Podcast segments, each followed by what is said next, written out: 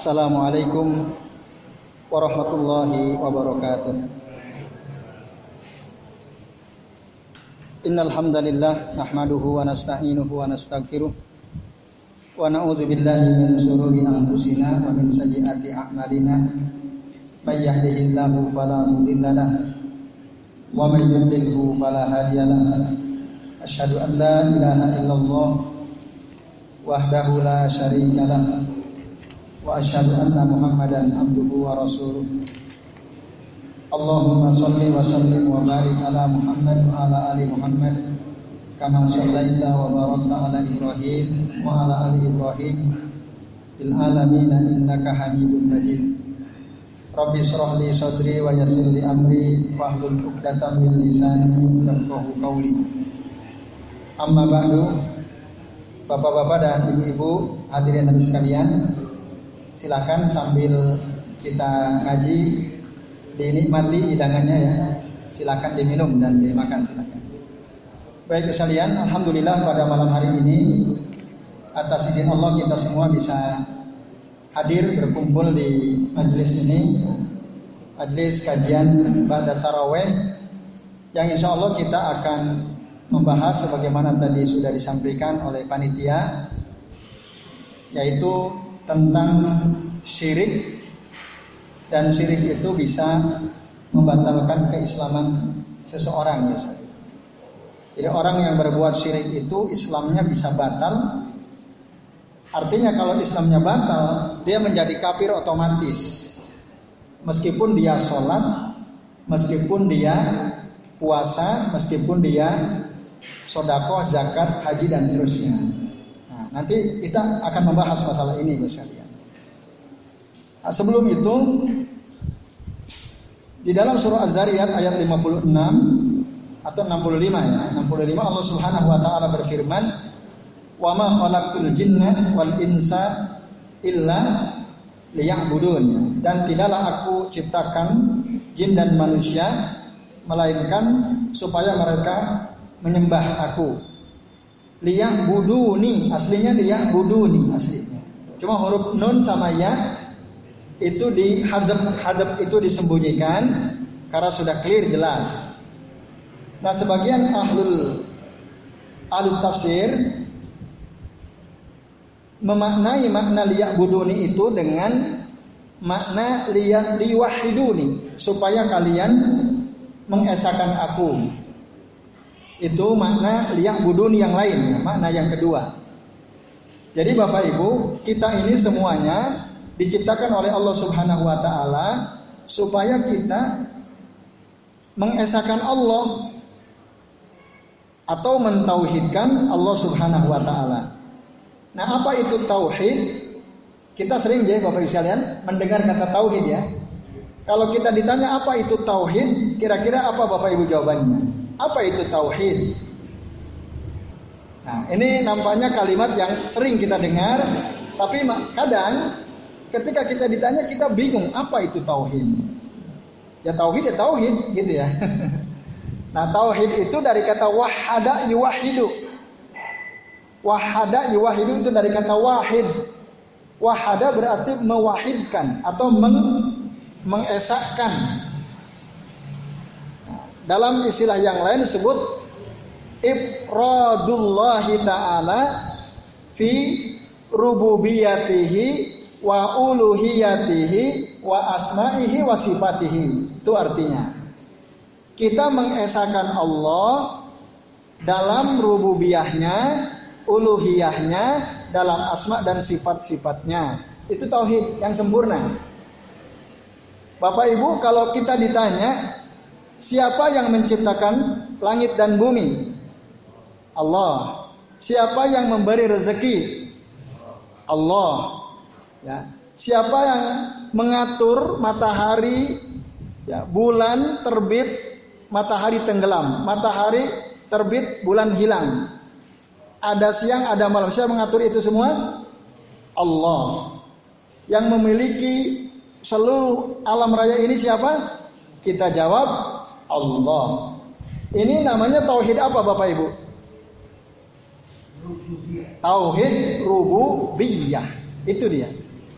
Jadi tauhid rububiyah itu adalah ifradullah taala fi khalqihi wa mulkihi wa tadbirihi. Kita mengesahkan Allah taala dalam penciptaannya, dalam kekuasaannya dan dalam pengaturan seluruh alam raya ini. Kita hanya Allah yang menyebabkan kita sehat, menyebabkan kita sakit, mewafatkan seseorang itu adalah Allah. Saat kita dalam hati pikiran kita begitu berarti kita sudah mentauhidkan Allah secara rububiyah. Termasuk sekalian, kalau ada barang kita hilang, sepeda kita hilang, motor kita hilang, itu yang ngatur siapa? Allah Azza wa Jalla. Allah. Orang yang tauhidnya sempurna ketika dia kehilangan sesuatu, dia santai saja. Karena dia sadar semua yang terjadi pada kita itu Allah sudah atur. Sudah ada catatannya di Lauhil Mahfud bahkan 5000 tahun, 50 ribu tahun sebelum Allah ciptakan langit dan bumi. Rasul mengatakan innallaha qaddara maqadiru al-khalaiqi ya bihamsi alfi sanatin qabla an yakhluqas samawati wal ard. Sesungguhnya Allah telah menentukan takdir setiap makhluk 50 ribu tahun sebelum Allah ciptakan langit dan bumi misalnya. Termasuk hilangnya sepeda kita, hilangnya motor kita, hilangnya handphone kita, itu udah ada catatannya. Maka orang yang sempurna tauhid rububiyahnya ketika dia kena musibah, kehilangan sesuatu, dia langsung ingat Allah. Allah yang izinkan ini semua. Itu udah catat semua. Maka yang keluar kalimat dari lisannya bukan misu-misu. Wah dasar kurang ngajar ini ya. Nah, enggak gitu, enggak. Ya orang yang tauhidnya sempurna dia nggak akan mungkin keluar dari lisannya kata-kata kotor. Maka dia akan mengatakan qadarullah masya'a fa'ala. Ini semua takdir Allah. Maka apa yang Allah kehendaki terjadi pasti terjadi. Udah selesai. Tinggal kita berdoa inna lillahi wa inna ilaihi rajiun. Terus Allahumma jurni fi musibati wa akhlif li khairan minha. Selesai. Itu kata yang keluar dari mulut orang yang kena musibah dan tauhid rububiyahnya sempurna. Tapi Bapak Ibu, kalau panjenengan kita kehilangan sesuatu masih misu-misu marah-marah, berarti tauhid rububiyahnya masih ah, perlu ah, masih perlu dipertanyakan. Dia ini betul-betul tauhidnya benar enggak nih orang secara rububiyah? Maka kita sendiri yang tahu, ya, kita sendiri yang tahu.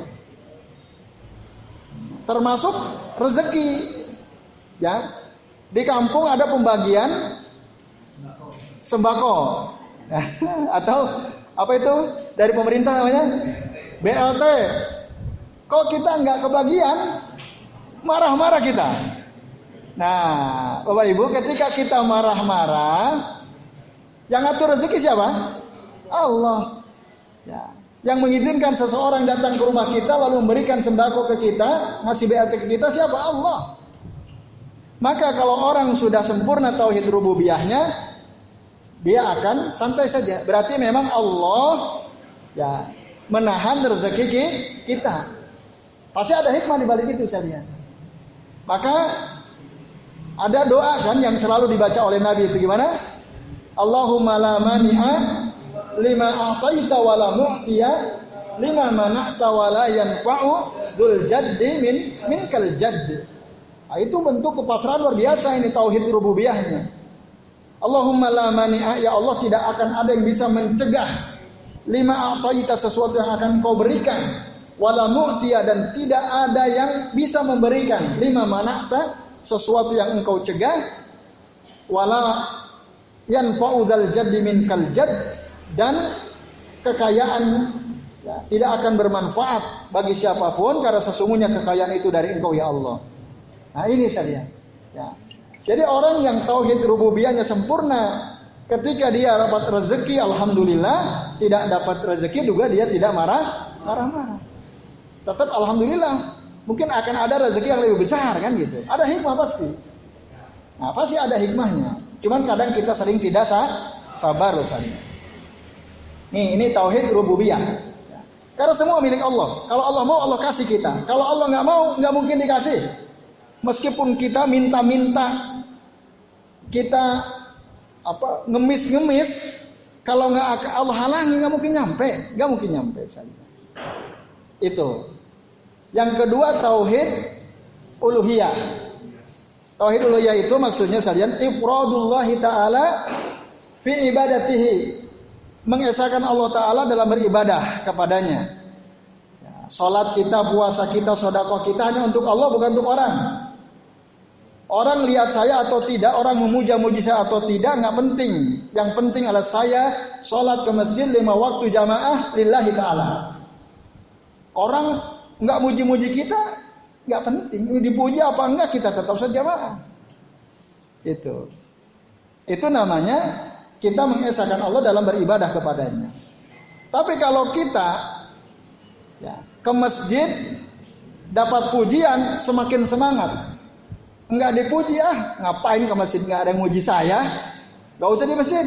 Ah ini berarti tauhid uluhiyahnya tauhid ibadahnya nggak benar motifnya dia ibadah itu karena ingin dapat pujian manusia itu berarti tauhid uluhiyahnya tauhid ibadahnya nggak beres dia mau sodako dia rajin sodako kalau disebutin namanya nah ya kalau nggak disebut nggak mau saya. Ah, ini berarti bukan untuk Allah.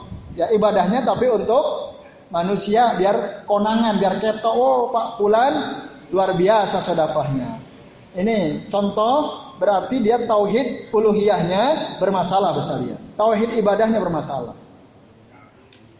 Atau ya orang yang kalau dia punya uang banyak hidupnya tenang. Tapi saat dia nggak punya uang, uh ketakutan luar biasa. Waduh, nggak ada tabungan sama sekali di ATM nggak ada uang. Bu, di dompet uang tinggal berapa? Tinggal 100 ribu pak. Wah padahal ini 20 hari lagi. Wah dia khawatir sekali, takut sekali, sekalian.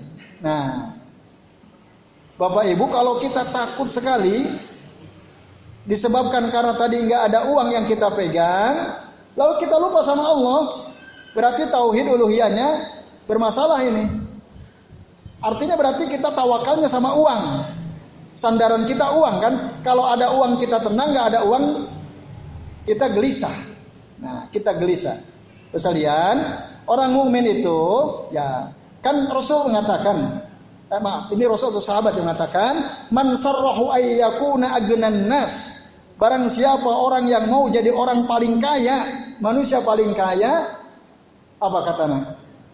Ya kata sahabat ini. Ya, an yakuna ma biyadillahi awsaqu bihima mimma biyadih. Dia lebih percaya kepada apa yang ada di tangan Allah daripada apa yang ada di tangannya.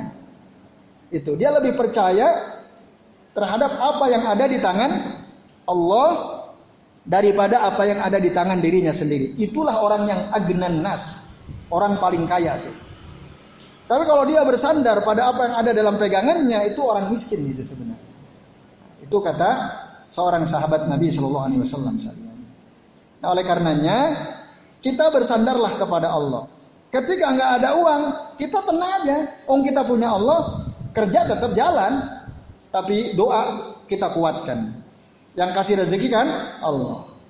Nah, maka kalau begitu tuh, mungkin uang hari ini tinggal 100 ribu, oh tahu-tahu ada orang orang ngasih 2 juta. Nah kan, nah karena kita lebih percaya kepada Allah daripada apa yang ada di dompet kita misalnya.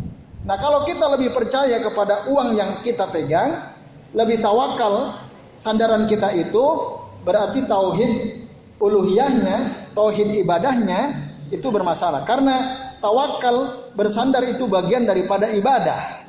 Ya, tawakal, kemudian roja, khauf, gitu ya. Takut dia, dia dia lebih takut kepada tadi situasi di mana dia nggak punya takut sekali. Nah, berarti khaufnya itu kepada tadi kehilangan atau tidak adanya harta. Orang yang tauhid ibadahnya uluhiyahnya kuat, di dompetnya banyak uang atau tidak ada uang sama saja. Dia tetap rojaknya kuat kepada Allah, sandarannya kuat kepada Allah Subhanahu wa taala. Nah, itu itu namanya tauhid uluhiyah contohnya tauhid uluhiyah. Dan yang nah, Bapak Ibu, tauhid rububiyah uluhiyah kalau sudah terpenuhi belum cukup. Ada satu lagi yang harus dipenuhi kalau dia ingin sempurna tauhidnya. Yaitu tauhid asma was sifat. Mengesahkan Allah dalam setiap nama dan sifat-sifat Allah sekalian. Allah Subhanahu wa taala berfirman dalam surah Asy-Syura ayat 11, "Laisa kamislihi syai'un wa huwas samiul basir." Tidak ada satupun yang sama dengan Allah. Dari sisi nama maupun sifat-sifatnya dan Allah itu maha mendengar lagi maha melihat. As-sami al-basir. Bapak Ibu dan sekalian manusia bisa melihat atau tidak? Bisa ya. Manusia bisa mendengar atau tidak? Bisa melihat dan mendengarnya Allah sama atau tidak dengan melihat dan mendengarnya kita beda nah kita harus katakan beda karena Allah tidak ada yang menyamainya. Itu namanya tauhid asma wa sifat. Kita mengesahkan. Mendengarnya Allah tidak sama dengan makhluk. Melihatnya Allah tidak sama dengan makhluk. Bersemayamnya Allah tidak sama dengan makhluk. Turunnya Allah tidak sama dengan makhluk. Bahagianya Allah tidak sama dengan makhluk. Marahnya Allah tidak sama dengan makhluk. Maka kita tidak boleh menyamanyamakan Allah dengan makhluk. Ketika kita menyamakan Allah dengan makhluk berarti rusak tauhid asma dan sifatnya. Apakah ada orang yang menyamakan sifat Allah dengan makhluk? Ada atau tidak? Ada. Contohnya siapa? Orang yang menolak kalau dikatakan kebarannya Allah turun, oh Allah nggak mungkin turun. Kalau Allah turun berarti gimana? Sama dong sama kita. Nah, ketika dia bilang sama dong sama kita, Berarti tauhid asma dan sifatnya bermasalah ini orang. Kalau kita ditanya bos kalian, Allah itu di mana? Apa jawabannya? Allah ada di atas ars. Tapi ada nggak orang menolak kalau dikatakan Allah di atas ars? Ada atau tidak? Ada banyak. Wah nggak mungkin dong Allah ada di atas ars. Kalau Allah ada di atas aras berarti Allah butuh tempat. Kalau Allah butuh tempat berarti Allah seperti kita, seperti makhluk. Itu enggak mau. Padahal Allah sendiri bilang sampai delapan kali dalam Al-Quran bahwa Allah itu summastawa alal aras. Kemudian Allah beristiwa di atas aras. Yang bilang siapa Allah? Lah kok kita tolak? Maaf, berarti kita tidak percaya kepada Allah. Berarti kita ingkar kepada penegasan dari Allah Subhanahu wa taala. Nah, ini hati-hati ya. Bapak Ibu kalau dibilang Allah punya tangan atau tidak? Jawabannya apa? Allah punya tangan atau tidak? Nah, bingung ya. ada yang bingung, ada yang yakin punya. Eh, punya jelas. Lah kok tahu Allah punya tangan? Allah sendiri yang menjelaskan dalam banyak ayat. Misalnya ada satu ayat berbunyi, Yadullah Yadullah fawqa. Tangan Allah ada di atas tangan mereka. Bal yadau bal yadahu mabsutatani. Akan tetapi kedua tangan Allah senantiasa terbuka. Nah, sekalian, Allah yang bilang dalam Quran. Lah kok kita berani menolak, kok Allah kok punya tangan? Kalau Allah punya tangan berarti sama sama kita. Nah, ini Ketika dia mengatakan berarti Allah sama sama kita, terus gimana? Kita nggak boleh bilang Allah punya tangan. Oh Allah sendiri Allah yang bilang punya tangan kok kita tolak? Kalau ada ustadz, kiai atau siapa pun yang bilang Allah nggak punya tangan, yang punya Allah kekuatan, itu bukan tangan kekuatan. Oh Allah yang bilang punya tangan. Allah yang bilang ya Allah. Maksudnya ya Allah pokok aidihim. Berarti dia secara tauhid asma wa sifahnya masalah tuh orang. Rusak tauhidnya. Maka sekalian, ketika kita mendapatkan ayat-ayat hadis-hadis Nabi yang berbicara tentang asma-asma dan sifat-sifat Rasul sallallahu alaihi wa alihi wasallam. Kita harus nu'minu biha. wa nusbituha. Kita mengimaninya, menetapkannya min ghairi tahrifin wala ta'wil. Tidak boleh kita rubah-rubah, tidak boleh kita takwil-takwil, wala ta'til, tidak boleh kita tolak, wala tamsil, tidak boleh kita samakan, wala tasbih, tidak boleh kita serupakan, wala takyif, dan tidak boleh kita mempertanyakan. Kalau Allah punya tangan, gimana coba tangannya? Gambarin seperti apa? Ini nggak boleh. Kalau Allah turun, piye turunnya coba? Ayo, iso ora kue. Nah, ngasih tahu. Itu nggak boleh kita nanya gitu.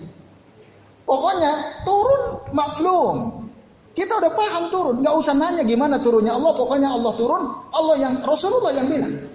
Nah ini misalnya. Jadi ini namanya tauhid asma was sifat. Ada kitab judulnya Ahadis wa Asar Al-Waridah fi Asma'illahi wa Sifatih. Bagus sekali kitab ini ya. Jadi hadis-hadis, asar-asar yang keluar yang muncul dalam Al-Quran dan uh, dan hadis-hadis Nabi SAW ya. Al-Waridah Ya. Fi asma'illahi wa sifatihi. Ini bagus sekali kitab ini. Dalilnya sebutkan. Oh, Allah senang. Ada nggak dalilnya? Ada. Allah yafrah. Allah itu lebih senang ketika ada hambanya yang bertaubat daripada seseorang yang kehilangan untanya beserta barang bawaannya di satu tempat yang lapang nggak ada siapa-siapa. Lalu ketika dia putus asa, dia duduk di bawah sebuah pohon, Tiba-tiba unta dan barang bawaannya datang lagi sendiri ketemu. Bapak Ibu, kira-kira orang ini senang atau tidak? Gini deh, Bapak Ibu, suatu saat melakukan safar perjalanan. Ke mana? Katakanlah ke Jakarta ya.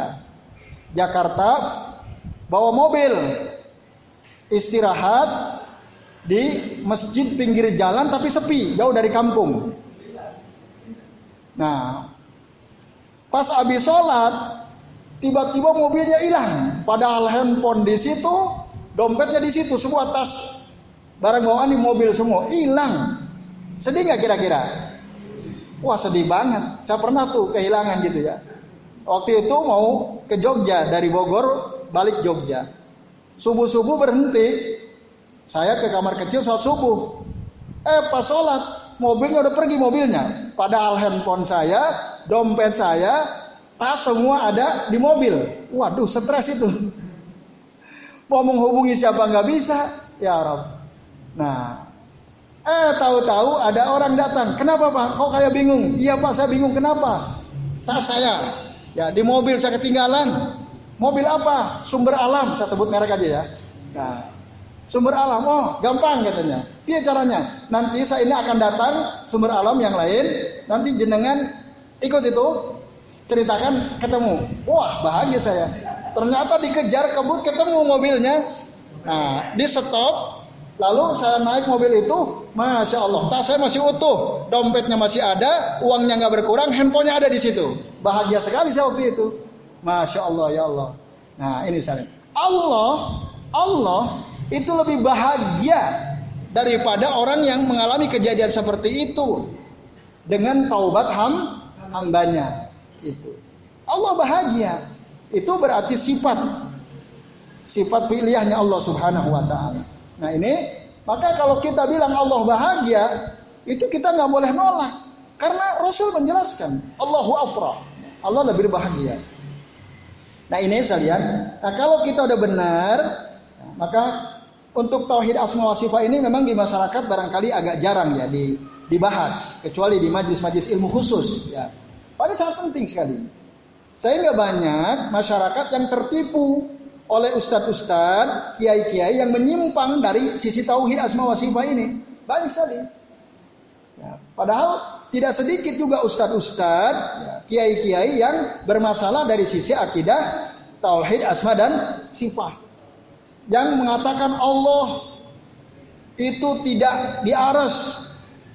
Allah itu ada di mana-mana, apalagi ada Allah itu manunggaling kawula Gusti ada dalam diri kita. Ya, ini masalah nih. Ya. Ya Allah bercampur dengan dirinya. Lah Allah itu ba'inun ba'inun minal khalq. Allah jauh dari makhluk. Tapi Allah dekat. Nah maka dalam surah Qaf dikatakan nahnu aqrabu ilaihi min hablil warid. Tapi bukan Allah manunggalin kaulu gusti. Allah dekat. Ya, walaupun memang nanti sebelum mengatakan Allah secara zat dekat, Allah secara ilmu juga dekat kepada kita. Cuma dekatnya Allah secara zat itu jangan disamakan dengan dekatnya kita dengan sesa, seseorang. Itu misalnya. Kita nggak boleh menyamakan. Nah, Bapak sekalian, kalau kita secara tauhid dari tiga sisi tadi benar, maka akan dapat tiga faidah. Faidah pertama, Ya. Menurut penjelasan saya Muhammad Zamil Zainu dalam kitab Mukhtasar Al-Aqidah Al-Islamiyah fi Bawil Kitab wa Sunnah As-Sahihah beliau mengatakan ya faidatut tauhid salah satu manfaat tauhid itu ada tiga kalau kita benar tadi satu kita akan diberikan jaminan keamanan oleh Allah dari azab kelak di akhirat minal azabil muabbad Kata saya Muhammad Zamil Zainu beliau bilang al-amnu fil akhirati minan adzabil muabbad. Orang yang tauhidnya sempurna dia akan mendapatkan jaminan keamanan di akhirat dari azab yang kekal. Artinya dia nggak mungkin di azab yang dengan azab yang kekal nggak mungkin. Ini satu. Yang kedua, orang yang kalau Bapak Ibu ingin terus dapat petunjuk dari Allah, mudah mengamalkan amal-amal saleh, Tauhidnya perbaiki itu dulu. Karena dengan tauhid yang sempurna itulah Allah akan memberikan petunjuk kepadanya. Itu sekalian. Nah, itu jelas di dalam Al-Qur'an disebutkan ya. Walladina amanu Al-An'am ayat 82 tidak salah. Walladina amanu orang-orang beriman walam yalbasu imanuhum walam yalbasu imanahum bizulmin dan tidak mencampur adukan keimanan mereka dengan kezaliman, ulaika lahumul amnun. Bagi mereka ada keamanan. Ya, maksudnya keamanan apa? Keamanan dari azab yang kekal di akhirat, wahum muhtadun dan mereka itulah orang-orang yang mendapat petun, petunjuk. Itu dasarnya. Al-An'am ayat 82. Tapi kala itu kata Abdullah bin Mas'ud radhiyallahu anhu, sukka ala dzalikan sukka dzalika alal muslimin Kaum muslimin gelisah waktu Rasul membacakan ayat itu. Ya Rasulullah ayyuna dzalik? Ya Rasul, siapa di antara kami yang bisa seperti itu? Kan tadi engkau bilang dalam Al-Qur'an Allah mengatakan alladzina amanu wa lam yalbasu imanahum bizulmin. Yang tidak pernah mencampur adukan keimanan mereka dengan kezaliman. Lah kami semua ini semua pernah berbuat zalim ya Rasulullah. Kalau gitu berarti semua kami tidak ada yang mendapatkan jaminan keamanan dan berarti kami semua ini jauh dari petunjuk Allah ya Rasul. Karena kami semua pernah berbuat zalim. Bapak Ibu, kalau panjenengan ditanya, jenengan pernah berbuat zalim tidak? Pada diri sendiri atau pada orang lain pernah? Pernah. Seandainya ayat itu dimaknai sebagaimana tekstualnya tadi, zohirnya, kita bingung juga. Begitu juga sahabat bingung. Tapi Rasul mengatakan, alam tasma'u maka Luqman libnihi Tidaklah kalian pernah mendengar apa yang dikatakan oleh Luqman kepada putranya, "Ya bunayya la tusyrik billah." Hai anakku, janganlah engkau berbuat syirik kepada Allah. Inna syirka la zulmun azim. Sesungguhnya kesyirikan itu adalah kezaliman yang besar. Jadi makna zulm pada ayat 82 surah Al-An'am itu artinya syirik. Jadi orang yang tidak pernah mencampur adukan keimanan dengan kesyirikan, itulah dia orang yang dapat jaminan keamanan di akhirat dan orang yang mendapatkan petunjuk dari Allah Taala. Nah ini bisa lihat. Jadi yang dimaksud zulm di situ adalah syirik. Bapak Ibu dan sekalian.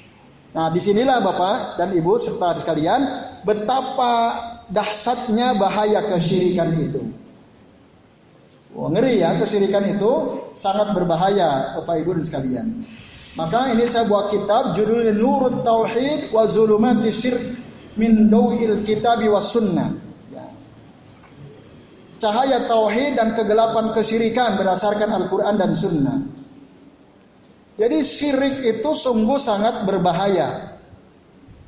Ya. Di antara bahayanya syirik Bapak Ibu dan sekalian, dia bisa menghancurkan seluruh amal-amal soleh kita. Merusak seluruh amal soleh kita.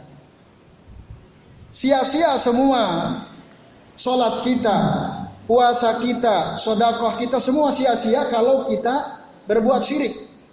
Wah itu ngeri sekali. Dan siapa yang bilang Allah? Allah Subhanahu wa taala mengatakan, "La in asrakta la yahbitanna amaluka." Nah, itu. Jika kamu syirik menduakan Allah maka niscaya semua amalmu sia-sia dalam surah Az-Zumar ayat 65. Layah bitanna amaluka. Belum cukup. Pada kalimat terakhir ayat tersebut Allah katakan wala takunanna minal khosirin dan kamu pasti termasuk golongan orang-orang yang rugi. Nah, insya Jadi orang syirik itu semua amalnya pasti nggak ada nilainya, nol, hilang semua tuh amal solehnya nggak ada harganya. Di sisi Allah nggak ada. Yang kedua, dia rugi. Maksud rugi apa? Pasti masuk neraka. Orang syirik tuh pasti masuk neraka. Karena orang masuk surga nggak mungkin rugi. Orang yang tidak masuk surga dan masuk neraka itulah minal khosirin orang yang rugi.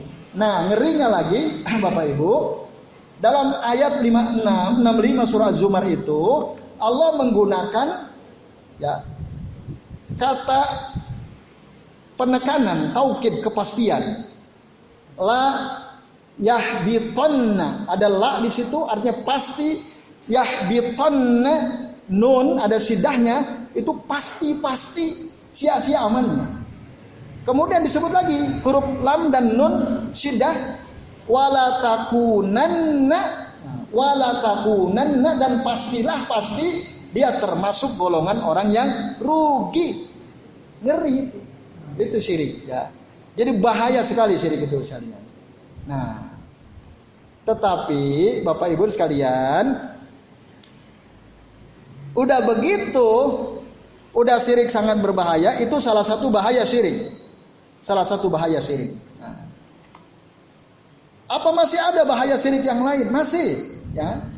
Di dalam kitab yang saya bawa ini ada lebih dari lima bahaya kesyirikan misalnya. Ya. Itu yang pertama. Yang kedua, syirik itu adalah dosa yang paling besar. A'udhamu dzambin. A'udhamu dzambin. Maka dalam surah An-Nisa ayat 48 Allah Ta'ala mengatakan, Wa may yusrik billah Barang siapa yang menduakan Allah dalam rububiyahnya, uluhiyahnya, asma dan sifatnya, maka faqadi ya faqadi tara isman azima. Sungguh dia telah ya, melakukan perbuatan dosa yang besar. Nah, ini Basalian, nah ini.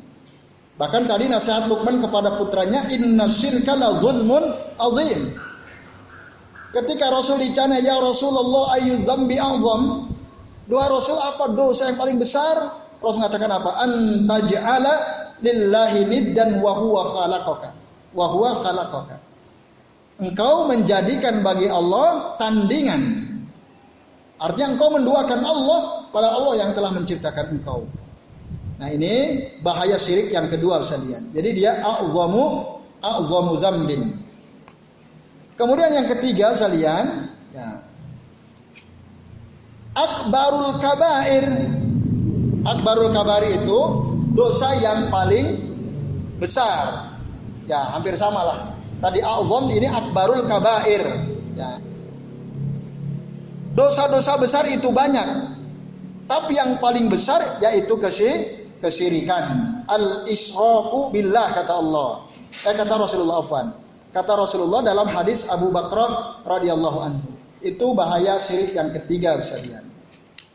Kemudian bahaya syirik yang keempat, syirik itu Bapak Ibu, kalau kita tidak sempat bertaubat sebelum kita mati, maka dosa syirik kita tidak akan pernah diampuni. Allah tidak akan pernah mengampuni dosa syirik kita, Bapak Ibu dan sekalian. Tidak akan diampuni. Maka di dalam Al-Qur'an ya Allah Subhanahu wa taala wa taala berfirman Innallaha la yaghfiru an yusraka bihi wa yaghfiru ma duna dzalika liman yasha wa may yusyrik billahi faqad iftara isman azima tadi. Sesungguhnya Allah tidak akan mengampuni dosa orang yang menduakan Allah dengan sesuatu. Dan Allah akan mengampuni dosa selain syirik bagi Allah bagi orang yang Allah kehendaki. Dan barang siapa yang syirik kepada Allah syirik maksudnya menduakan Allah faqad iftara isman azima sungguh dia telah melakukan dosa besar. Ini tadi kita sudah singgung ayatnya tapi ada faidah lain dari ayat ini bahwa syirik itu kalau kita mati dalam keadaan pernah melakukan kesyirikan Bapak Ibu dan kita tidak sempat taubat, udah masuk neraka tuh, kekal. Lah kan saya sholat, sholatmu nggak ada artinya. Puasa puasamu nggak ada artinya. Ya, walaupun engkau sering puasa Senin, Kemis, puasa Daud bahkan, tapi engkau pernah berbuat syirik menduakan Allah dan engkau tidak pernah taubat dari kesyirikanmu, sia-sia semua amalmu. Layah biton amalu. Wah ini ngeri sekali, Bapak Ibu. Maka hati-hati kesyirikan maka kesirikan berdasarkan ayat ini sekalian menurut ya, para ulama ya, itu bisa membatalkan keislaman kita. Artinya apa? Ya Islamnya sia-sia. Ya, Islamnya sia-sia, sia. Nggak akan masuk surga kalau dia tidak taubat dari kesirikan. Karena Allah bilang Inna Allah la yaghfiru an yusraka bihi. Allah tidak akan mengampuni dosa orang yang menduakan Allah, mensekutukan Allah dengan sesuatu. Nah ini. Kemudian yang kelima sekalian, orang yang berbuat syirik itu tidak akan bisa memberikan syafaat kepada siapa pun dan tentu dia juga tidak akan bisa memberikan syafaat kepada siapa pun. Dia akan terhalang dari syafaat dan dia akan terhalang untuk memberikan syafaat tidak bisa nolong dan nggak bisa ditolong. Walaupun dia punya anak, anaknya tiga semua meninggal dunia ketika masih kecil. Padahal Rasul mengatakan barang siapa ya, suami istri yang punya anak, anaknya meninggal di waktu kecil maka nanti kelak di akhirat dia akan menjadi syafaat buat kedua orang tuanya. Ketika Allah menyuruh mereka udkhulu al jannah, masuklah kalian ke dalam sorga, ya Rob, ya, duhai Tuhanku, Ya, abauna. Orang tua kami ya Rabb, mana? Udkhuluha antum wa abaikum. Silakan masuklah kalian bersama orang tua kalian dalam sorga. Itu siapa? Kalau orang tuanya nggak syirik, tapi kalau orang tuanya berbuat syirik, dia nggak akan bisa mendapatkan syafaat bahkan meskipun dari anaknya sen sendiri. Nah, ini misalnya. Nah, itu. Maka dalam Al-Quran surah Ghafir 18 Allah Ta'ala mengatakan wa ma lidzalimina min hamimin wala syafi'in yuta. Orang yang zalim, orang musyrik, zalim di sini maksudnya syirik. Orang yang syirik itu, orang yang menduakan Allah itu di akhirat nanti kelak dia nggak punya teman dekat yang bisa menolongnya. Tidak ada orang yang bisa memberikan syafaat kepadanya. Tapi kalau orang nggak syirik dia masuk neraka, temannya banyak orang saleh, lalu temannya tanya, "Ya Rob, mana teman saya dulu yang ketika dia hidup dunia sering duduk di majelis yang sama denganku, sholat bersama aku, puasa bersama aku, kok nggak ada di sorga? Coba engkau lihat ke neraka, pas dilihat, oh ternyata ada, ya Rob ternyata ada, keluarkanlah dia. Allah angkat, keluarkan. Dia dapat syafaat dari temannya orang soleh. Kenapa? Karena dia tidak sirik. Tapi kalau dia sirik, tidak bisa. No, terhalang dia, nggak bisa. Itu saja. Bahkan, bahkan kalau dia sirik meskipun dia disolatkan, disolatkan oleh seribu orang, oleh jutaan orang, kan Rasul mengatakan, ma min ahadin min mata summa salla ala janazatihi arba'una rajulan lam yusriku billahi syai'an safa'ahullahu lahu ya. Barang siapa ada orang mati di antara kalian lalu disolatkan jenazahnya ini oleh 40 orang dan 40 orang ini tidak ada yang yang berbuat syirik tidak ada yang mensekutukan Allah dengan apa pun maka doa mereka akan menjadi syafaat bagi orang yang mati itu tapi kalau orang yang matinya berbuat syirik lagi-lagi Kesirikannya menghalangi syafaat dari orang-orang soleh itu yang menyolatkan dia saja. Nah ini ya. Jadi kesirikan itu sekalian bahaya yang kelima itu tadi ya, dia tidak akan mendapatkan syafaat dari Allah Subhanahu wa taala Bapak Ibu sekalian. Nah, kemudian ada lagi masih ada sekalian. Ya. Orang yang berbuat syirik itu ya, dia tidak akan didengar oleh Allah permohonannya, doanya dan tidak akan diterima alasan apa pun yang dia sampaikan kepada Allah nanti kelak di hadapan pengadilan Allah Subhanahu wa taala. Tidak akan terima. Ditolak semuanya. Apa pun yang dia sampaikan Allah tolak semuanya. Maka disebutkan dalam surah Az-Zukhruf ayat 77, Wanadu mereka berseru ya Malik Wahai malaikat Malik, lihat di alaina rabbuk. Supaya Tuhanmu itu membinasakan kami saja, mematikan kami saja. Udah gak kuat kami menahan siksaan api neraka. Qala innakum makisun. Malaikat Malik mengatakan kalian akan menetap di neraka itu. Itu sekalian. Lalu dalam surah yang lain dikatakan wa qala alladziina finnar Orang-orang yang ada dalam neraka itu, dia berkata kepada siapa? Para penjaga neraka jahanam. Mereka bilang apa? Ud'u rabbakum. Panggillah Tuhan kalian wahai malaikat penjaga neraka jahanam, yukhaffif anna yauman minal adab supaya ya setidaknya meringankan azab kepada kami satu hari saja. Udah nggak kuat kami ya Rob. Dia dia minta malaikat tolong panggil Allah untuk meringankan azab satu hari saja. Kalau Lalu malaikat penjaga neraka jahanam itu berkata kepada mereka, "Awalam taku ta'tikum rusulukum bil bayinat?"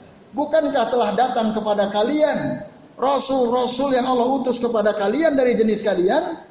Dengan keterangan-keterangan kalau mereka menjawab bala. Betul. Nggih bahasa kitanya. Qalu fad'u wa ma du'aul kafirina illa fi dhalal. Lalu masya Allah sekalian ya, berdoalah Ya, minta kepada Allah dan tidaklah doa mereka itu orang-orang kafir, orang-orang musyrik kecuali mereka berada dalam kesesatan misalnya. Nah, itu ya. Itu bahaya orang yang syirik sekalian. Jadi sangat mengerikan ya, orang yang berbuat syirik itu saja. Nah, lalu apa ada lagi? Masih. Orang yang syirik itu Bapak Ibu, ya, dia haram masuk masuk surga, haram. Tidak mungkin masuk surga, tidak mungkin. Ya. Tempat dia di neraka kalau dia mati dalam kesirikan dan itu selama-lamanya. Allah Ta'ala mengatakan dalam surah Al-Ma'idah 72, apa kata Allah? Innahu sesungguhnya man yusrik billah orang yang menyekutukan Allah, orang yang menduakan Allah, laqad harramallahu alaihi jannah. Allah telah haramkan kepadanya sor sorga. Haram itu nggak mungkin dikasih sorga. Wa ma'wahun nar tempatnya dia di neraka wa malil zalimina min ansar orang zalim itu orang syirik itu tidak akan ada yang bisa nolong nggak ada penolong nah ini sekalian maka sungguh sangat mengerikan orang yang syirik itu uh dahsyat sekali bahayanya apa masih ada lagi masih ada sekalian orang yang syirik itu ya semua amalnya semua ketaatannya tidak akan diterima oleh Allah. Tidak akan diterima. Disebabkan apa? Karena kesyirikan dan kekufuran mereka kepada Allah dan Rasulnya. Maka di dalam surah Taubah ayat 53 sampai 54 Allah mengatakan, "Kul katakanlah Muhammad anfiqu tau'an au karha." Berinfaklah kalian dalam keadaan ya susah mudah atau susah, lapang atau sempit, tapi lan yutok lan yutakabbala minkum. Tapi sodakohmu, sodakoh kalian, infak kalian itu tidak akan pernah Allah terima. Innakum kuntum kaum fasikin. Karena kali ini kaum yang fasik. Kaum yang fasik. Wa ma mana'ahum antuk minhum. Tidak ada yang bisa mencegah amalan mereka untuk diterima oleh Allah nafaqatuhum ya nafkah atau sedekah yang mereka berikan illa kecuali disebabkan annahum karena mereka itu kafaru billahi wa rasulih ya, ingkar kepada Allah dan rasulnya Ya, termasuk syirik. Ya, menduakan Allah wala ya'tuna shalah dan tidaklah mereka itu salat wahum kusala illa wahum kusala. Kecuali mereka salatnya malas-malasan wala yunfiquna illa wahum karihun dan tidaklah mereka itu berinfak kecuali mereka berberat hati sebenarnya. Nah, ini Bapak-bapak dan Ibu-ibu serta hadirin sekalian di antara bahaya-bahaya kesirikan.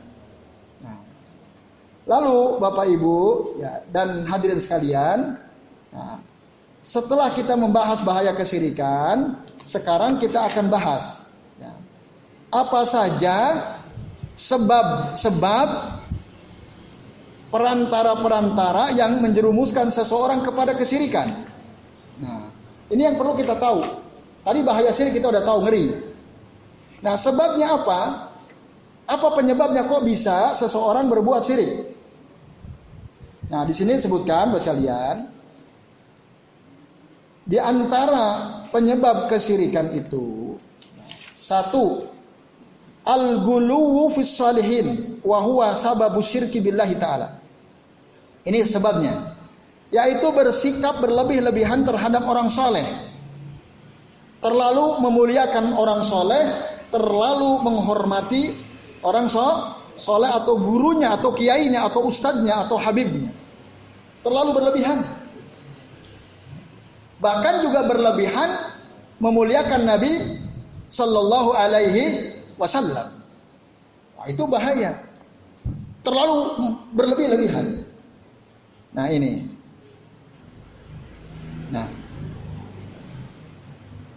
Pertama kali orang yang melakukan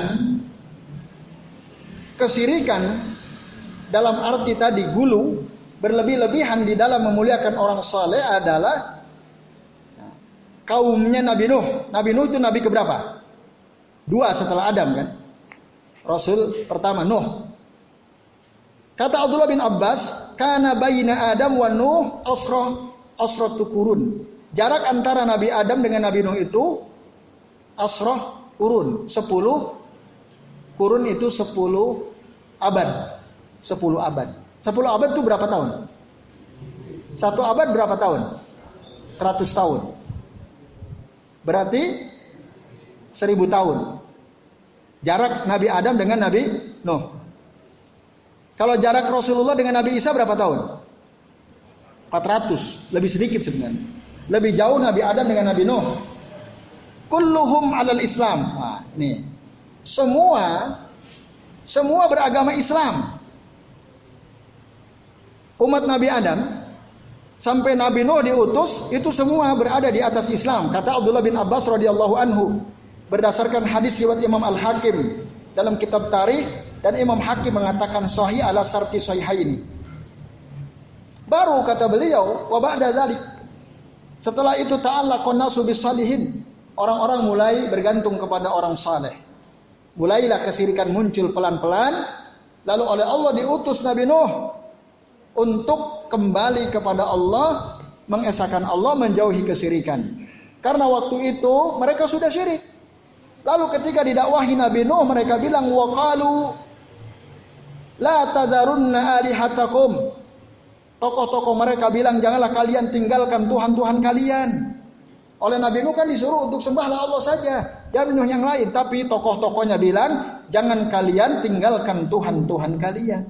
Oh, berarti ada kesyirikan tuh wala tadarunna waddan wala suwa'an wala yagusa wala ya'uq wala nasra. Itu lima. Ada lima orang soleh kaum Nabi Nuh. Satu namanya Wadda, yang kedua Suwa, yang ketiga Yagus, yang keempat Ya'uq, yang kelima Nasro. Ini orang soleh semua. Ustadz-ustadznya lah kiai-kiainya pada zaman itu. Ketika mereka meninggal dunia sekalian, nah syaitan ya, me, menggoda mereka. Eh kan tadi tokoh-tokohmu itu kan orang-orang soleh tuh. Udah di kuburannya itu dikasih tanda. Ya, dibuat ciri-ciri. Nah, kalau kita sekarang kasih kijing, kasih nama. Kalau perlu yang mahal marmernya kan gitu. Kalau perlu buat bangunan. Itu orang soleh tuh. Akhirnya sekalian godaan syaitan mereka dengarkan. dibuatlah kuburan tokoh-tokoh yang lima tadi, Ya'uq, Suwa, Nasro, Wadda, Yagus, ini orang soleh semua. Kuburannya diperindah kuburannya. Ya.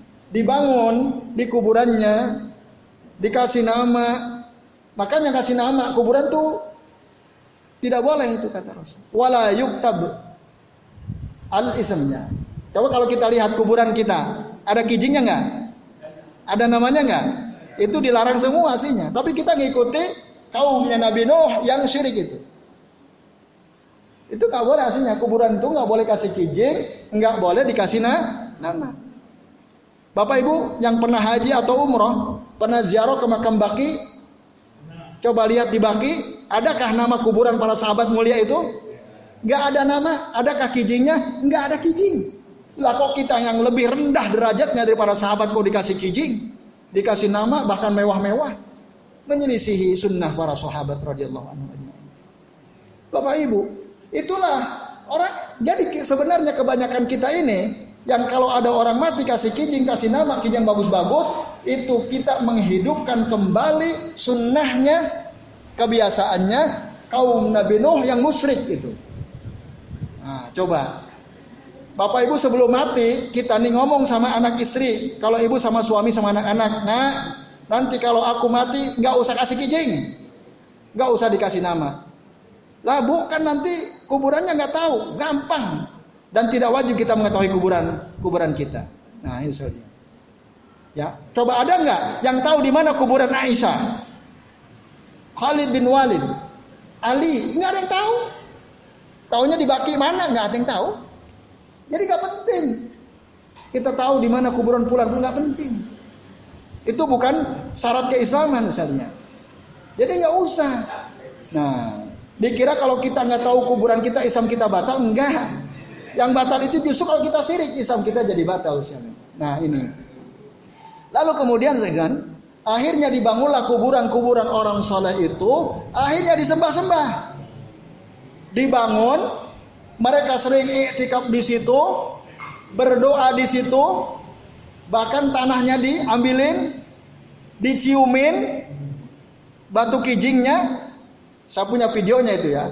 Waduh, ya Allah ngeri. Bahkan orang sholat di situ menyembah kuburan. Yang ada di timur menghadap ke kuburan karena kuburan ada di baratnya dia. Yang ada di barat menghadap ke timur karena kuburan ada di timurnya dia. Yang ada di selatan menghadap ke utara karena kuburan ada di sebelah utara dia. Dan yang ada di utara menghadap sholatnya ke selatan karena kuburannya ada di selatan di dia. Itu ada, cari videonya. Masya Allah. Ya, ngeri sekali. Bahkan ada orang jaro kubur doa dipimpin oleh seorang Habib. Wah, zikir keras-keras sambil nyebut-nyebut pulus, pulus, pulus itu yang minta duit sama kuburan. Itu ngaconya bukan main, itu yang mimpin Habib padahal. Ya Rabb. Itu kesirikan yang luar biasa karena apa? Gulu fisalihin. Gulu itu berlebih-lebihan di dalam memuliakan orang soleh misalnya. Nah ini bahaya sekali. Maka Allah Ta'ala menegur dalam surah An-Nisa ayat 171. Ya ahlal kitab. Wahai ahlul kitab. La taglu fi dinikum. Jangan engkau berlebih-lebihan dalam agama kalian. Wala taqulu alallahi illal haq. Janganlah engkau berkata ya, tentang Allah kecuali yang benar. Innamal masihu Isa bin Maryam Rasulullah wa kalimatuhu alqaha ila Maryam wa ruhum minhu. Sesungguhnya Isa al-Masih bin Maryam itu adalah utusan Allah dan kalimatnya. Kalimat itu kun payakun. Alqaha yang Allah sampaikan ila Maryam ke rahim Maryam waruhum minhu. Dan Isa itu ya, rohnya dari Allah sebagaimana juga kita. Roh kita kan dari Allah. Jadi bukan rohul kudus enggak. Kita roh sama aja. Nabi Isa dengan kita sama. Rohnya dari Allah Subhanahu Wa Taala. Nah ada pesan tadi lataglu fidinikum misalnya jangan berlebih-lebihan di dalam agama kita termasuk dalam memuliakan orang-orang soleh kalau kita punya guru-guru kita salah kita ambil atau tidak perkataannya? Tidak. Kita punya kiai-kiainya, ya kalau ngomong omongannya ternyata ada yang bertentangan dengan Quran Sunnah, kita ikuti atau tidak? Tidak. Tapi ada nggak orang yang memuliakan kiai berlebihan? Ada atau tidak? Banyak. Mau salah mau benar yang ben yang penting itu kiai gue. Ya, pasti benar. Kan ngaco itu yang orang kayak gitu itu. Nah, ketika ada orang mengkritik, wah dia bela habis-habisan. Bahkan mau dibunuh orang yang mengkritiknya. Di mana rumahnya kita datangin? Ngaco ini namanya. Bapak Ibu sekalian, tidak boleh kita seperti. Kalau salah kita bilang salah. Walaupun guru kita, kiai kita, afwan apa yang dikatakan oleh, oleh ustadz saya, oleh kiai saya itu dalam hal ini tidak benar. Kenapa? Karena dalam hadis dikatakan begini, dalam Quran begini. Nah ini harus begitu saja, adil. Nah itu, tapi bukan berarti kita boleh meremehkan guru, ya nggak boleh juga. Jadi tetap seimbang. Di satu sisi kita harus muliakan, tapi di yang lain nggak boleh berlebih-lebihan dalam memuliakan seorang guru. Muliakanlah guru, jangan berlebih-lebihan. Artinya tadi, kalau memang keliru, ya kita tinggalkan. Kalau kita punya kemampuan, kita datangi rumahnya, apaan kiai, apaan ustad, yang ustad sampaikan itu sepertinya bertentangan dengan ayat ini atau hadis ini. Oh ya, nanti pasti kalau dia berilmu, dia akan ucapkan terima, terima kasih. Nah ini saja. Kemudian yang kedua penyebab kesirikan al-ifrat fil madah wa tajawuz fi. Ifrat itu artinya berlebihan dalam memuji-muji. Nah maka hati-hati dalam baca salawat sekalian. Banyak solawat-solawat yang bertebaran di tengah-tengah masyarakat, tapi sebenarnya ifrat, ifrat itu berlebihan fil madah dalam memuji-muji Rasul Sallallahu Alaihi Wasallam. Banyak sekali. Contohnya apa? Salawat Badar. Ini kan masyur banget kan? Saya lihat di Twitter ada di sebuah mall, di semua mall itu semua pengunjungnya bersolawat. Ada yang pernah lihat nggak? Dua hari ini nih. Jadi satu mall nggak tahu tiba-tiba serempak orang bersolawat. Pertama ada orang teriak-teriak baca solawat, diikuti semua orang lain. Apa yang baca sholatnya? Solawatnya, sholat badar itu. Salatullah salamullah ala toha rasulillah. Hafal semua nggak ini? Hafal atau tidak? Hafal. Tapi ada ifrat, ada berlebih-lebihan dalam salawat ini. Cuma sayangnya kita nggak pada ngerti artinya apa, itu masalah. Sehingga kita anggap bener aja. Iya kan? Paham nggak artinya apa salawat itu? Nggak ngerti kan? Nah, coba kita kupas. Salatullah salamullah. Apa artinya? Nah, salawat dari Allah, keselamatan dari Allah. Ala toha Rasulillah kepada si Toha utusan Allah. Apa ada nama utusan Allah namanya Toha? Rasulullah namanya Toha ada nggak? Nggak ada. Tapi kata mereka maksudnya Toha itu ya nama Rasul. Rasul nggak pernah bilang namanya beliau Toha. Kalau Pak Toha ada guru saya tuh ya. Tapi Rasulullah nggak pernah menamakan dirinya Toha. Rasul bahkan pernah menyebutkan nama saya itu lima. Ahmad, Muhammad, Hasir. Dan ada dua lagi. Mahi, ya. Hasir, Mahi, satu lagi apa Pak?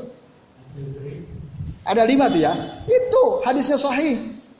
Nggak pernah namaku satunya Toha, yang kedua Yasin nggak ada. Tapi kita baca ala Toha Rasulullah ala Yasin Habibillah. Emang nama Nabi Muhammad Toha sama Yasin? Coba pernah nggak Bapak Ibu bertanya-tanya dari mana nama itu? Pernah nanya-nanya pada diri sendiri? Enggak kan? Ngikut orang aja kan?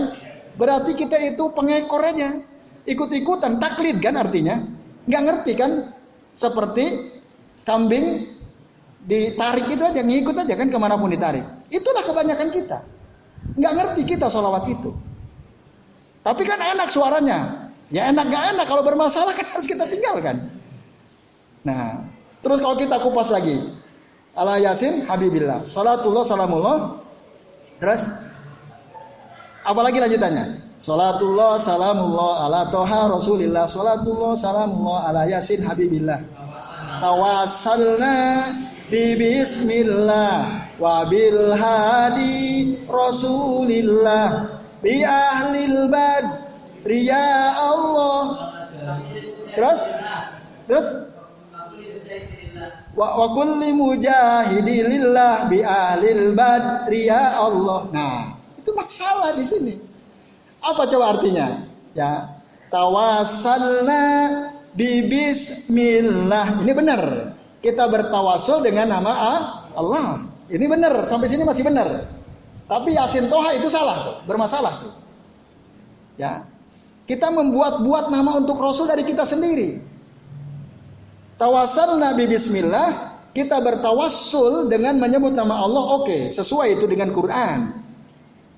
Tapi lanjutannya apa? Wabil hadi Rasulillah, kita bertawassul dengan Nabi Muhammad yang memberi petunjuk utusan Allah. Bapak Ibu, kalau Rasulullah sudah meninggal, sudah kita nggak boleh lagi bertawasul dengan kemuliaan Rasul. Kita boleh tawasul sama Rasul ketika beliau masih hidup.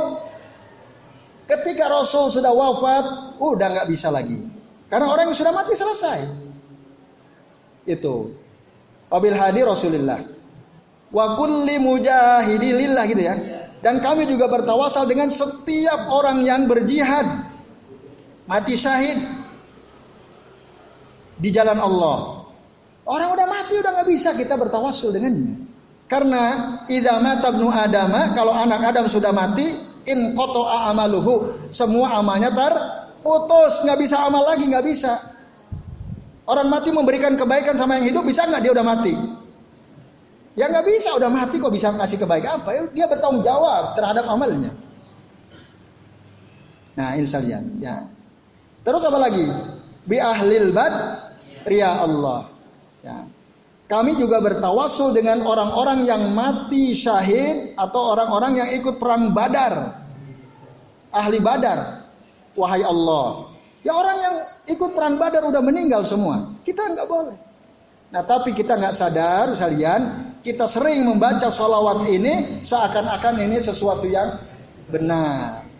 Ini contoh saja. Masih banyak sholawat lain yang berlebih-lebihan. Bapak Ibu pernah kita, mendengar kitab Burdah.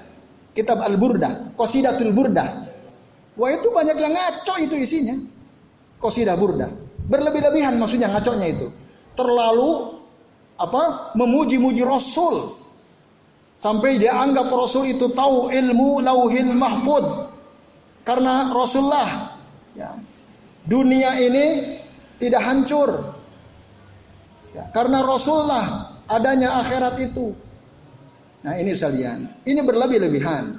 Maka Rasulullah pernah mewanti-wanti, memberikan peringatan kepada para sahabat, La tutruni kama atratin nasara ibna Maryam. Ya. Janganlah kalian memuji-muji aku sebagaimana orang Nasrani memuji-muji ibnu Maryam yaitu Nabi Isa. Wa inna ma'ana abduhu. Sesungguhnya aku ini hanyalah hamba Allah. Kulu katakanlah Muhammad Allah wa Rasuluh. Muhammad itu hamba Allah dan Rasulnya. Itu saja. Pujian terhebat kita kepada Nabi adalah Abdullah wa Rasul wa Rasuluh. Tidak lebih dari itu. Ini berdasarkan hadis Imam Bukhari misalnya. Nah tapi banyak kita gulu. Makanya Nabi bilang, Iyakum wal gulu. Jauhi oleh kalian perbuatan berlebih-lebihan fiddin dalam agama. Wa innama ahlaka mangkana qablakumul gulu fiddin. Sesungguhnya binasanya orang-orang sebelum kalian disebabkan karena berlebih-lebihan dalam aga dalam agama. Itu Bapak Ibu dan sekalian ya, di antara ya, wasilah atau sabab terjadinya kesy kesirikan. Nah, termasuk ah, isi katakan orang yang menjadikan kuburan seperti masjid Orang yang menjadikan kuburan tempat ibadah. Dia baca Quran di situ, dia sholat di situ, dia iktikaf di situ. Boleh nggak kita iktikaf dekat kuburan? Boleh nggak kita berdoa meminta-minta dekat kuburan kepada Allah? Tidak boleh. Ya, sekalian, bolehkah kita membaca Al-Quran di dekat kuburan?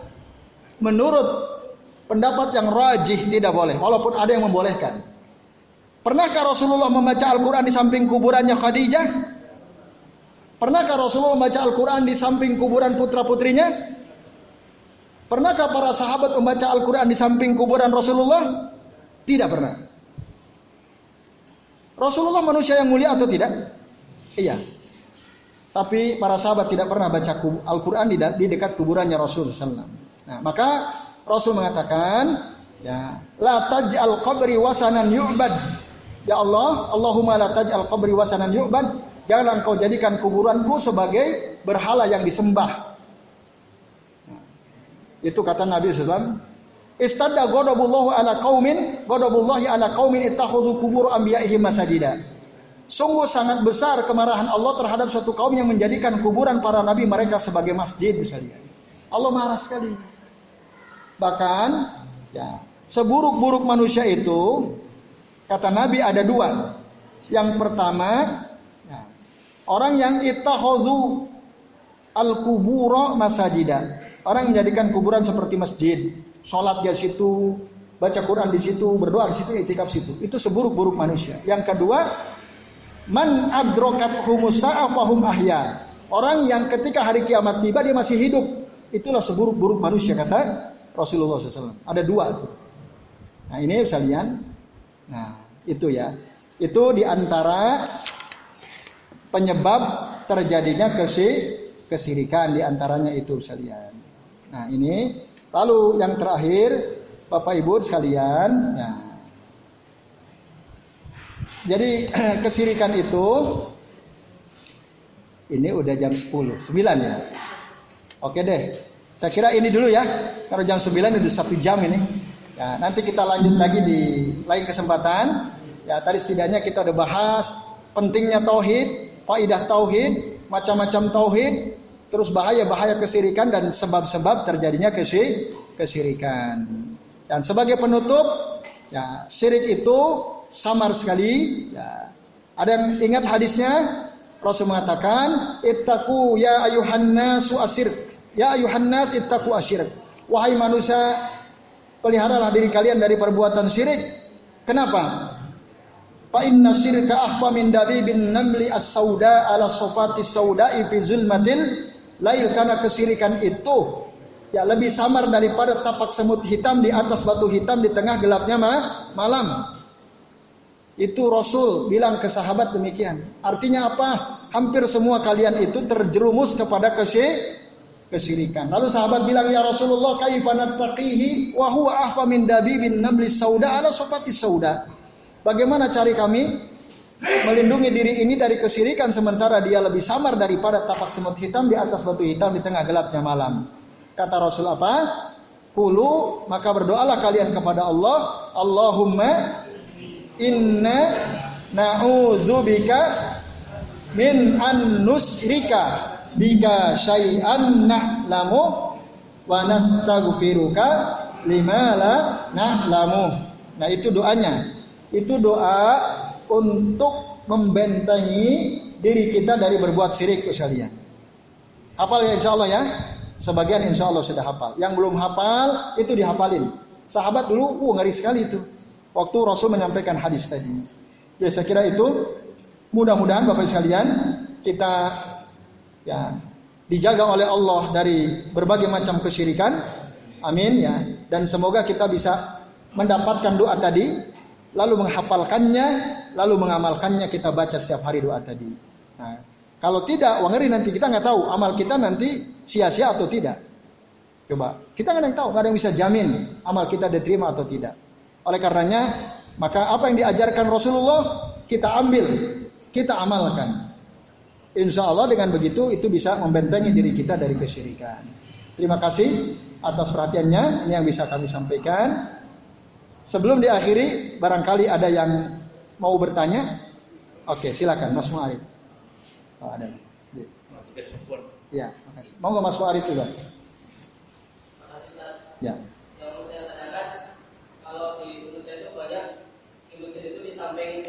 itu ada ada makamnya biasanya tokoh-tokoh terus kan. Iya. Di samping makamnya itu. Boleh tidak? Duluan mana? Masjid dulu apa apa kuburan dulu? Gak tahu. Ya. Pertama Ya. Kan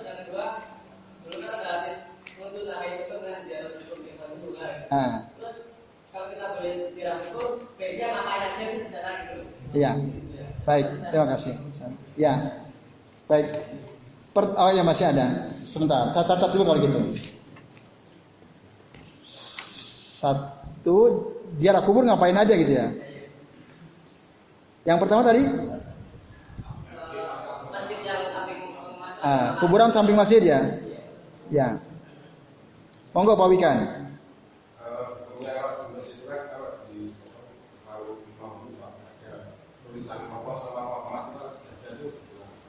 Ya.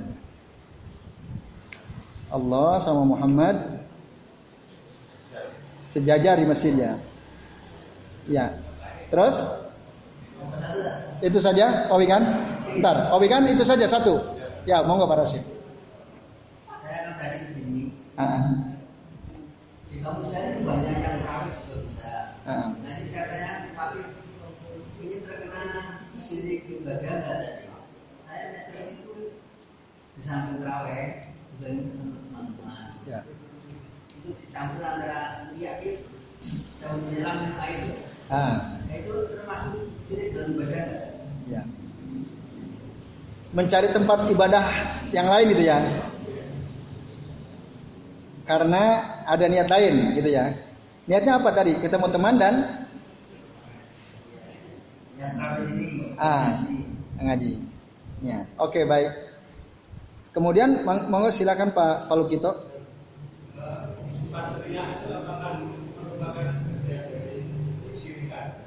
Ya.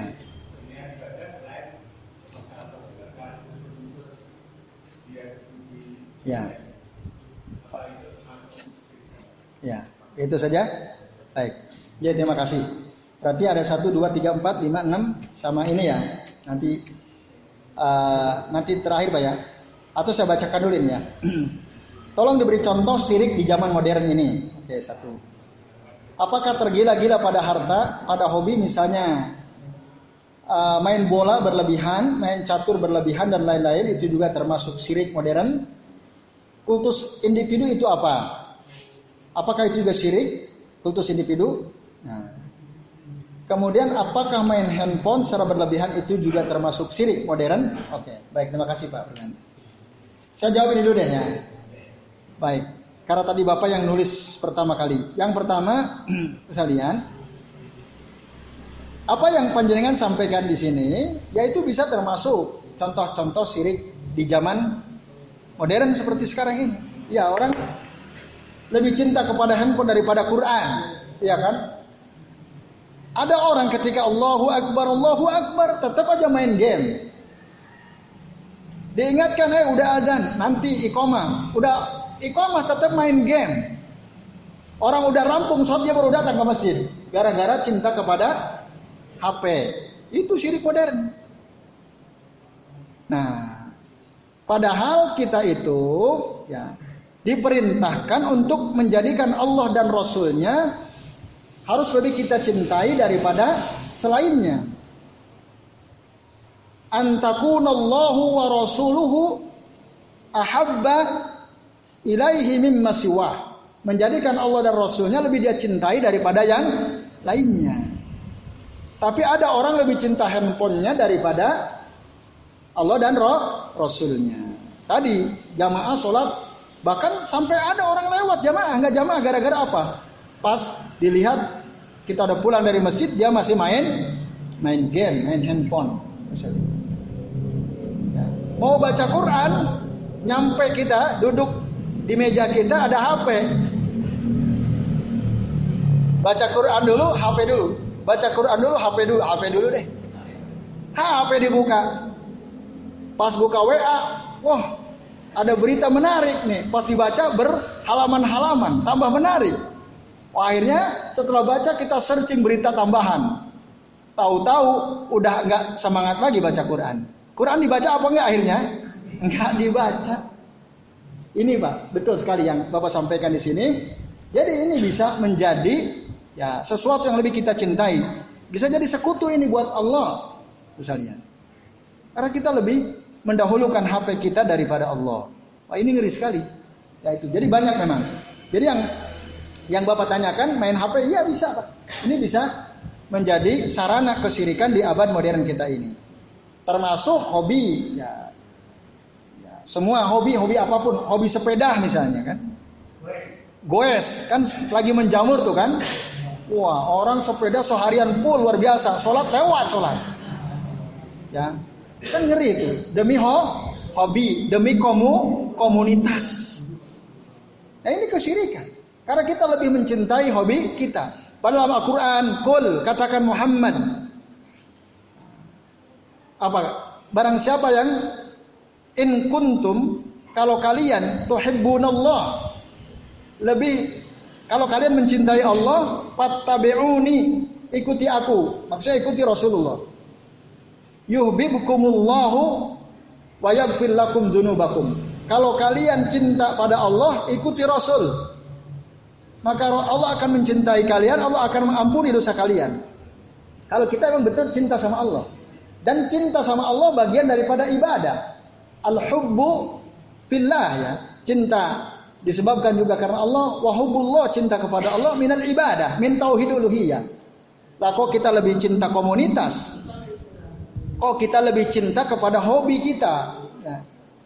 Goes kita, main catur kita dan lain-lain itu. Ya, itu kalau berlebih-lebihan dia bisa menjadi sarana kesirikan, Mbak. Betul sekali. Nah, maka kalau kita senang goes, silahkan, boleh senang boleh. Hobi bola, hobi ca oh, kalau catur bermasalah nih kalau catur ya. Kalau catur karena dianggap oleh sebagian besar ulama dia nggak ada faedahnya, menghabiskan waktu saja. Tapi kalau bola sehat ya, gue sehat boleh. Tapi waktunya sholat berhenti, mampir ke masjid sholat dulu. Lah kan keringetan tadi ya mandi di kan masjid ada kamar mandinya tuh guyuran dulu. Sholat kan bisa. Nah ini saja. Jadi Pak ini yang pertama tergila-gila pada hobi, ya termasuk pada harta tentu saja. Saking kita cintanya sama harta, sodako aja nggak mau kita sodako. Wah ini saya capek-capek kerja dapat harta, om sodako sama orang enggak. Nah ini saya kok yang kerja. Nah ini bahaya kita saking semangatnya cari uang, akhirnya kita tidak gubris larangan Allah. Yang penting saya dapat uang banyak, bisa beli mobil, rumah mewah, mau haram atau tidak haram saya ambil. Nah ini bahaya dia menuhankan har harta misalnya. Sampai Allah pun kita tidak ingat sama Allah, tidak ingat sama larangan Allah dan Rasulnya. Nah itu pak, termasuk. Termasuk yang terakhir, iya takdis, ya. takdisu asyakhs atau mengkultuskan seseorang dalam bahasa Arab takdisu saksin ya. Itu min minasyirk, bagian daripada kesyirikan. Rasul aja nggak mau ditakdis tadi. Kan Rasul lah tutruni kama atratin nasara Isa ibn Maryam. Jangan kalian puji-puji aku sebagaimana orang Nasrani memuji-muji Isa ibnu Maryam. Orang yang mentakdis, mengkultuskan sesuatu pasti memuji-muji. Pasti itu. Nah itu bagian dari warik syirik. Maka Rasul melarang, jangan. Ya. Karena itu cenderung kepada syirik. Jadi itu Pak jawabannya. Ya, apa yang bisa saya sampaikan. Kemudian yang kedua, kuburan samping masjid. Duluan mana tadi saya tanya? Kalau duluan ya kuburan sebaiknya jangan bangun kubur, masjid di, di depannya ku, kuburan. Kalau duluan kuburan. Kalau duluan masjid sebaiknya jangan nguburkan di depan masjid. Siapa duluan aja. Nah, kalau bisa, kalau bisa. Tapi udah terlanjur jadi. Saya nggak mungkin bongkar harganya mahal. Gitu kan? Itu gimana? Bapak Ibu sekalian, ada hadis Nabi SAW dan hadis ini sahih riwayat Muslim. Rasul mengatakan, ya, La tajlisu alal kubur walau tusallu ilaiha. Jangan kalian duduk di atas kuburan dan jangan pula kalian sholat mengarah ilal kubur, menghadap ke kuburan. Itu nggak boleh. Cuma para ulama, nah ini perlu ya, menjega, menjelaskan yang dimaksud wala tusallu ilai ilaiha ilal kubur itu maksudnya jangan sholat langsung menghadap kuburan. Kita sholat depan kita kuburan. Seperti yang tadi saya ceritakan tuh. Itu nggak boleh. Tapi kalau kita sholat di masjid ini atau di masjid Kauman, masjid gede, kan depannya makam ya. Atau di masjid Mataram, itu lihat tergantung. Bisa boleh, bisa tidak. Boleh kita sholat di situ selama hati kita sama sekali tidak niat karena ada kuburan di depannya enggak. Kita sholat di situ karena itu masjid. Ada kuburan atau tidak di depannya saya nggak peduli siapa. Yang yang saya sholat di sini kan ada masjid dan itu ada penghalang. Ada penghalang. Kayak masjid Nabawi Masjid di Madinah kan kuburan Rasul sekarang bergabung dengan komplek Masjid Nabawi kan. Maka dipagari ada tiga lapis tembok itu. Bapak Ibu saya punya foto kuburan Nabi Abu Bakar Umar. Sampai hari ini kuburannya itu hanya gundukan tanah tok, nggak ada kijingnya, cuma dibuat bangunan itu supaya tadi apa namanya saddu zarai menutup jalan-jalan kesyirikan. Maka dipagari itu. Tidak boleh ada yang lihat kecuali orang-orang tertentu ya mungkin pimpinan negara kadang-kadang diizinkan untuk hanya sekedar melihat toh. Nah, ada dari orang Pakistan saya dapat mungkin pimpinan uh, ada beberapa orang diizinkan masuk itu fotonya ada biasa. Fotonya hanya gundukan tanah toh kuburan Rasul.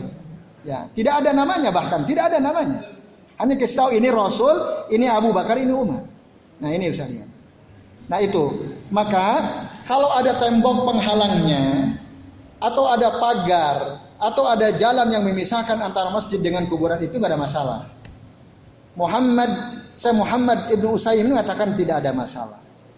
Tapi kalau kita niat, saya mau sholat di mana? Di masjid gede Kauman. Mau di mana? Mau di masjid Mataram. Kenapa? Karena di depannya ada kuburan tokoh. Nah ini baru masalah, itu nggak boleh. Maka hadis larangan ini berlaku wala tusallu ilal kubur. Itu yang pertama. Yang kedua, yang ketiga, lalu kita dulu dilarang orang kuntu nahaitukum an ziyaratil kubur fal an fazuruha. Dulu aku pernah melarang kalian ziarah kubur, sekarang silakan ziarah. Apa ngapain apa yang bisa kita lakukan saat ziarah? Yang kita bisa lakukan saat ziarah ya, tiga fungsinya. Tidak lebih dari tiga. Maka dalam kitab ini disebutkan ada aziarah asyariyah, ada aziarah asyirkiyah. Ziarah yang boleh satu hanya dalam rangka untuk satu mendoakan orang yang sudah mati. Itu. Kita doakan assalamualaikum ya ahlal kubur minal mu'minina wal mu'minat wal muslimina wal muslimat inna insyaallah bikum lahikun wa nas'alullahu lana walakumul afiyah. Itu. Di antaranya doanya itu. Satu, mendoakan. Ya, atau Allahumma gfir lahum warhamhum wa'afihim wa'fu anhum. Silahkan. Yang kedua, untuk mengingat kematian. Ya. Fa innaha kata Rasul, fa inna ziyaratal kubur tudzakirukumul maut. Bisa mengingatkan kalian akan kema kematian. Silahkan. Yang ketiga, fungsi ziarah kubur itu li mudzakarati al-akhirah. Litudzakirukumul akhirah. Kata Rasul, fa inna ziyaratal kubur tudzakirukumul akhirah. Sesungguhnya ziarah kubur itu bisa mengingatkan kalian kepada negeri akhirat. Udah itu saja. Itu mendoakan supaya kita ingat mati, supaya kita ingat akhirat. Tidak lebih dari itu ziarah kubur. Itu yang masru' Iktikaf gimana? Zikir sampai semalam suntuk tidak boleh, haram. Baca Quran ada yang membolehkan, ada yang melarang, tapi yang lebih kuat dalilnya yang melarang. Karena Rasul menjadi mengatakan, la taj'alu al-kubur masajida. Jangan kalian jadikan kuburan seperti masjid. Masjid itu dalam hadis yang lain mengatakan, innamal masajidu sesungguhnya masjid itu bunia dibangun li zikrillahi ta'ala walis salati wali kiraatil Quran. Karena masjid itu dibangun untuk ya, beribadah kepada Allah, zikir kepada Allah, salat dan untuk baca Quran. Itu hadis Nabi. Masjid dibangun untuk itu. Maka kalau kita zikir di kuburan, salat di kuburan, baca Quran di kuburan, berdoa untuk kemaslahatan diri kita di kuburan, berarti kita menjadikan kuburan itu berfungsi seperti mas dan itu dilarang. Nah, itu. Nah, sekalian, itu ya yang bisa dilakukan waktu ziarah kubur.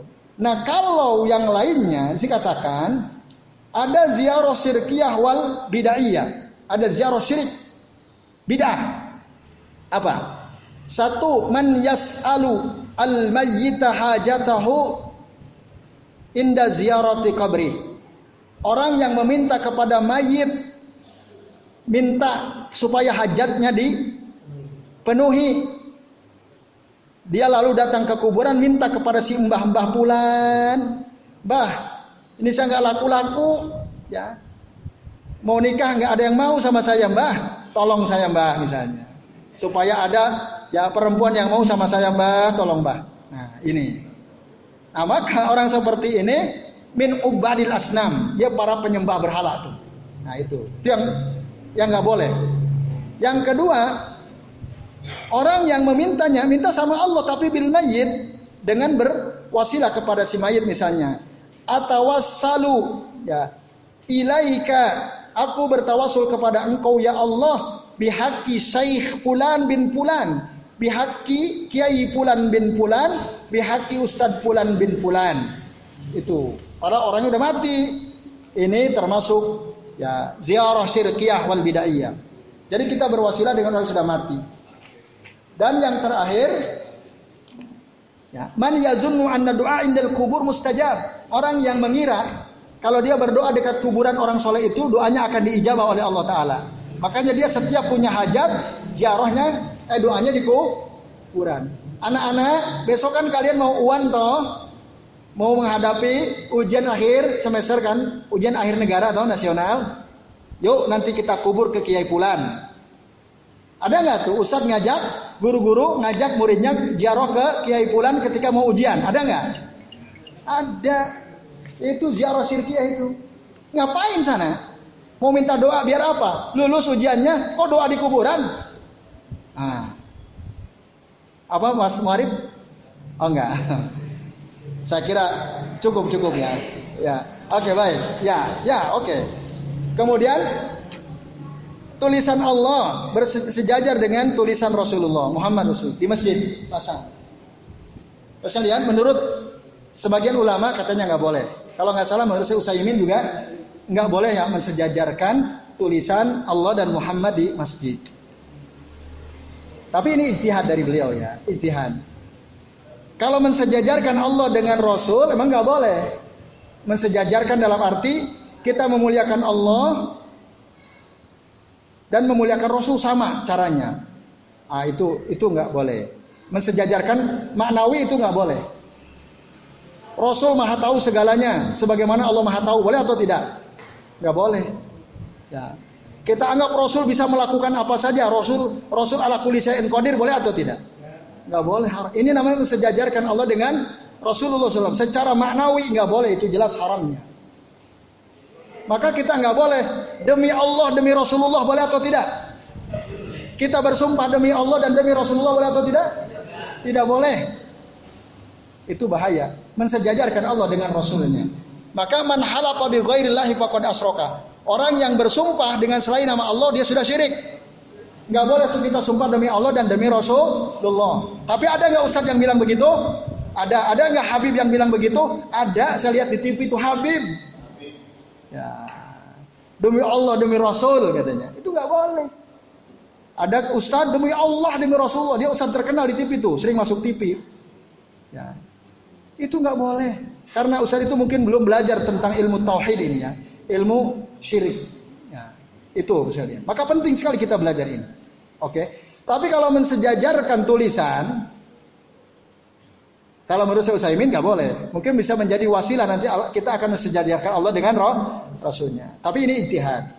Kalau kami, ya kalau secara tulisan kan banyak tuh dalam Al-Quran, tulisan Allah dan Rasul sejajar banyak atau tidak? Kita kan la ilaha illallah Muhammadun Rasulullah. Sejajar nggak? Sejajar. Bahkan di cincin Rasul ada tulisan Muhammadun Rasulun Allah di, cincin Rasul. Bukan sejajar, bahkan kalimat kata Allah di bawahnya kata Muhammad. Nah, kalau secara tulisan, kalau kami ya, kami sendiri nggak ada masalah selama secara maknawi kita tidak mensejajarkan Allah. Allah taala alam bisawab ya. Itu yang kami pahami uh, dalam soal ijtihad ini saya kira itu ya. Karena nggak ada dalil yang tegas bahwa janganlah kalian menulis nama Allah dan Rasul sejajar. Ada nggak dalilnya? Gak ada. Tapi itu ijtihad, itu ijtihad seorang ulama. Kita boleh ambil, kita boleh ting tinggalkan. Ya, saya kira itu. Kemudian tempat panasir. Saya milih sholat taraweh di Masjidul Rahman Pringgolayan. Padahal di kampung saya juga ada. Lah kok kenapa panasir ke Pringgolayan? Ya kan ada kajian, saya mau dengerin kajian sekaligus. Sekaligus ketemu teman-teman. Apakah itu termasuk sirik? Tidak. Tidak termasuk sih sirik. Kecuali kalau panasir ingin dilihat orang-orang, saya biar ketok, nah itu baru dia. Tergantung niat antum. Ya.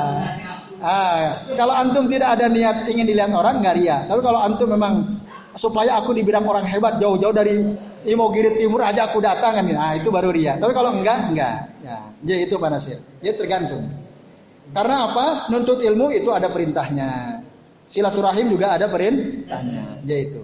Yang terakhir, uh, ria itu bagian daripada kesyirikan kalau kita. Nah, inna ya akhwafu alaikum asirkun asgar kata Rasul. Sesungguhnya sesuatu yang paling aku khawatirkan atas kalian adalah kesirikan kecil. Oh sahabat, kalau ya Rasulullah, ma huwa asgar. Apa itu sirik kecil ya Rasulullah? Apa kata Rasul? Ria. Ria itu adalah syirik, syirik kecil. Apa itu ria? Ingin dilihat orang. Itu. Nanti temannya ria ada sum'ah.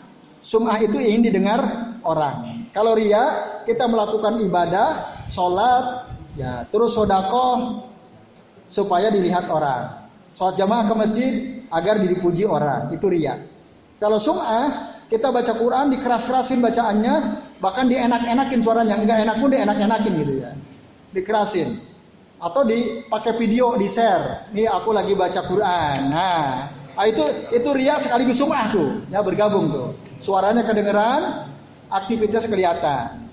Tapi tidak selalu orang yang perlihatkan aktivitas ibadahnya, kita nggak boleh juga langsung oh itu ria, oh enggak. Yang tahu cuma dia.